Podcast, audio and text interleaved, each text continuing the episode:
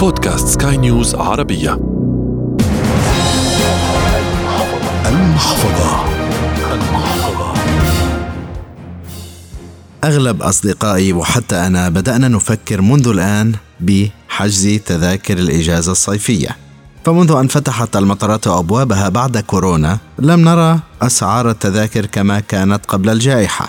وحتى اليوم أسعار التذاكر مرتفعة ومعها تقوم المطارات بفرض إجراءات جديدة لتعويض الخسائر خلال فترة الإغلاق. كل هذا ينعكس على المسافر. حلقة جديدة من المحفظة تأتيكم عبر منصة بودكاست سكاي نيوز عربية على أبل جوجل سبوتيفاي أنغامي والعديد من المنصات الأخرى. في إعدادها وتقديمها أحمد الآغا. ومن الإخراج الإذاعي غسان أبو مريم. ضيفي في هذه الحلقة الكابتن الطيار مازن السماك الخبير في شؤون الطيران وأيضا رئيس جمعية الطيارين الخاصين في لبنان. أعدكم أن تستمعوا لمعلومات ربما تجيب عن تساؤلاتكم الكثيرة التي تستغرب الارتفاع الهائل في الأسعار وستجعلكم تعيدون حساباتكم عند حجز تذاكركم. والأهم سعر التذكرة كيف يحدد ومن يستفيد منه؟ غير شركة الطيران. لابد لنا أن نحدد مصدر كلفة تذكرة السفر. يعني ما هي كلفة تذكرة السفر؟ من أين تأتي كلفتها؟ نحن نتكلم هنا عن الكلف المباشرة والكلف الغير مباشرة. الكلف المباشرة يعني أنت لما بتعمل رحلة من أبو ظبي إلى باريس لنقول الكلفة المباشرة لتلك الرحلة تتعلق بالفيول بالزيوت التي تحرق بمصاريف الطاقم برسوم العبور يعني هذه مثلا الناس ما بتعرف شو يعني رسوم العبور. كل البلاد التي تمر فوقها الطائرة بين أبو ظبي لباريس تدفع رسوم عبور الأجواء. هذه واحد. رسوم الهبوط في إضاءة المدارج. يعني إذا أنت الطائرة هبطت بالليل وضووا لك المدرج تدفع رسوم مدارج. في كثير مصاريف تدفع. هذه الكلف المباشرة. الكلف الغير مباشرة نحن نتكلم عن المهندسين والتقنيين. عمال التنظيف المكاتب إلى آخره. هلأ هيدا كله غلي. يعني من وقت كورونا لليوم كله غلي وطلع بشكل طلعت كلفته بشكل عالي جدا جدا. العالم كله غلي أساسا. هيدا بالنسبة عم نحكي ل يعني أنا بعطيك مثلا كلفه الفيول الذي يشكل تقريبا أكثر من 40% من كلفة الرحلة.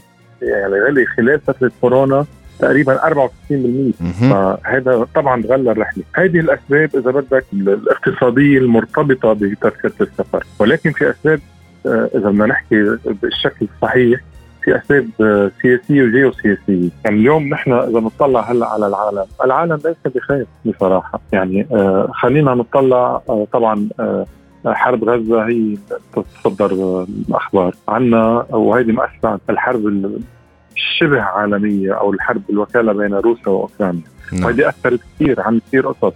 يعني أنا بعطيك مثل بس مرتبط بهذا الحرب ويرتبط بسعر تذكرة الطيران. عندما بدأت الحرب بين بين روسيا وأوكرانيا قام الاتحاد الأوروبي بإغلاق المجال الجوي أمام الطائرات الروسية، ومن مبدأ المعاملة بالمثل قامت روسيا بإغلاق المجال الجوي أمام الطائرات الأوروبية كافة، شو صار مثلا؟ أوروبا الطائرات الأوروبية التي يعني كانت وجهتها ال Far East الشرق الأقصى المسافه كان عليها أن تمرق بروسيا شمالا، ليش؟ يعني أنت بتطلع من فرنسا أو هولندا أو ألمانيا أو إنجلترا لتروح على الشرق الأقصى بدك تطلع فوق روسيا لأنه الأرض كروية الشكل والمسافة بالتالي فوق روسيا أقرب بكثير. نعم. لما تسكر هالمجال الجوي طالت المسافة صاروا بيضطروا أن أن يطيروا شرقا زادت المسافة ثلاث ساعات طيران. ثلاث ساعات طيران على شركات طيران بفيول غالي مثل ما شرحت لك. يعني قديش بدها تزيد كلفه التذكرة؟ كثير. هذا بس سبب حرب روسيا وأوكرانيا. طب عندنا هلأ حرب غزة عندنا اليمن عندنا البحر الأحمر. هلأ امبارح ما بعرف إذا كان بداية حرب طويلة بين باكستان إيران وباكستان نعم. هذا شو بيعمل؟ مثلا قصة البحر الأحمر زاد الطلب على على الشحن الجوي. ويخنق المجال الجوي أيضا. طبعا ما في شك. ف... وزادت تكاليف الإنشورنس التأمين. هذه ما حدا كمان عم يحكي فيها. هذا كله التوتر العالمي اللي عم بيصير هذا بيزيد كلف التأمين. كلف التأمين كمان عالي كثير على الطائرات. لأنه صار يعتبر risk الحرب صار زائد أو علي عليت نسبته وهذا بالنهاية كابتن ما يتحمله هو المسافر. أيضا هناك مطارات طبعا. تفرض مبالغ على المسافرين يعني مثلا مطار هيثرو من أغسطس 2023 يفرض مبلغ من المال بمجرد أنك تصف سيارتك أمام بوابات المطار لتنزيل المسافرين. يعني برجع بكرر بقول العالم ليس بخير لا لا ماليا ولا اقتصاديا ولا سياسيا وبالتالي الكاش صار قليل بالعالم.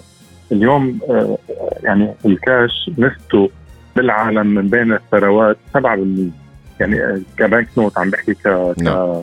كمصارف حقيقه والباقي كله آه، بكون بين المصارف بصير يعني معاملات بين المصارف اللي كنا نسميه من زمان تلكس صار إيميل هلأ. بس ككاش ما بقى موجود. شوف التضخم بالولايات المتحدة شو عامل. الولايات المتحدة اللي هي أقوى دولة في العالم عندها أكبر دين عالمي آه، آه، وعن الفوائد اللي عم تعطيها بالمصارف صارت وصلت ل 5% هذه تاريخ تاريخ الولايات المتحدة مصاري. مشان هيك اليوم البحث عن الكاش صار آه، واجب. مشان هيك أنت يمكن هلأ تفضلت وقلت بالنسبة لمطار هيثرو. مطار هيثرو يعني مطار أساسي. ملايين الركاب بيطلعوا منه كل سنة. يعني معناتها بده يضخ للدولة البريطانية مليارات بالسنة من وراء حتى حتى يعني مش بس بالمطارات البندقية مدينة فينيس فرضت هلا على السواح 5 يورو بس لدخول المدينة. يعني كان كأن المدينة من أيام التاريخ كأن فيها أسوار ومحاطة بدك تفرض قوة للدخول. فاذا عن جد يعني الموضوع مش بس موضوع يتعلق بالطيران يتعلق بكل يعني بكل الأزمة المعاشيه العالمية اللي عم نعيشها. نعم. فأنا يعني بتصور آه، صاروا يبحثوا عن أي مصدر لدخول الكاش. هلأ إذا نحكي عن المطارات ال AI ال artificial intelligence اليوم عم بيسهل إجراءات الدخول نعم. للراكب. بتعرف هلأ آه، صار مثلا شفنا بمطار دبي هلأ حتفوت بدون جواز سفر. نعم. ما إذا فعليا بدأ يطبق. حتى نعم. مطارات المطار الجديد لأبو ظبي نعم. رائع جدا فهل هل تسهيل للمسافر صحيح بيسهل؟ يعني بدل ما كنت تاخذ 40 دقيقة لتفوت صرت عم تاخذ الأمور 10 دقائق طيب هالنص ساعة اللي زادت عندك أنت شو عم تعمل فيها؟ عم تشتري بقلب السوق الحره عم تتسوق عم تاكل بالمطاعم عشان هيك المطارات هذه كمان زاد دخلها من وراء تسهيل دخول أو تسهيل إجراءات الدخول عند الراكب لأنه هذا هذا الوقت كله صار عم ينصرف على الاستهلاك. كل ما تزيد انت وقت المطار كل ما بدك انيس مي يا أخي ما بدك شغلة هيك. فهذه الأمور الناس يمكن ما بتحس فيها ولكن آخر شيء عم تفوت دخل كاش. مثل ما تفضلت وقلت للمطاعم طب كابتن هل هناك طرق تتقاسم فيها الشركات التكاليف الزائدة مع المسافر؟ يعني ما يتحمل المسافر كل هذه التكاليف الزائدة؟ صراحة مش بتتقاسمها مع المسافر بتتقاسمها مع سلطات الطيران المدني يعني اليوم لما لما تذكرة السفر بيدفع تدفع أنت تذكرة السفر آه، شرحت أنا شو شو نعم. تشمل ولكن جزء من هذه التذكرة بيروح لسلطة المطار لأنه هذه بسموها الضريبة اللي نسمع فيها هي الضريبة كلمة ضريبة هي للمطار. لأنه المطار آه، أو أو السلطة التي تدير هذا المطار آه، والذي هو بيكون عم يقدم خدمات الحقائب والكهرباء والخدمات الركاب. هذه مشان هيك بيروح كل راكب بيطلع من بلد لبلد بيدفع ضريبة غير سعر التذكرة اللي بتروح لشركة الطيران اللي انت طاير معها. يعني الأسعار وراء المسافر وراء المسافر. بس تعرف شغلة آه اليوم المسافر اليوم آه كمان عنده صار خيارات أخرى. بمعنى آه اليوم زادت آه حركة ال low cost carrier. يعني عم نحكي شركات مثل الراين إير ومنخفض التكاليف. نعم إيزي جيت. هول ليش ليش مثلا أنت بتدفع حق تذكرة 700 دولار ترجع بتلاقي على هدول الشركات نفس التذكرة بنفس من بلد بنفس البلد ب 70 يورو. آه ليش بيكون هيك؟ لأنه اولا هذه الطائرة اللي عم تروح هي نفس الطائرة ايرباص 320 أو بوينغ 737 أو إلى آخره نفسها هي ذاتها ولكن ما فيها خدمات على الطائرة ما بيقدموا لك أكل. حتى أحيانا في في شركات تفرض عليك دخول الحمام تدفع ضريبه آه، آه، لما بتسافر على الوجه ما بتروح على مطارات رئيسية. يعني أنت إذا نازل بهيثرو غير ما تنزل بجاتويك غير ما تنزل بمطارات أخرى بعيدة عن المدينة. منا مطارات رئيسية وبالتالي كلفة كلفة المطارات آه، أرخص بكثير. أيضا لا لا تبقى طائراتها مصطفى في المطارات كابتن. طبعا طبعا وبتروح وبترجع صحيح. ما عليها كلفة كلفة البقاء بالمطار.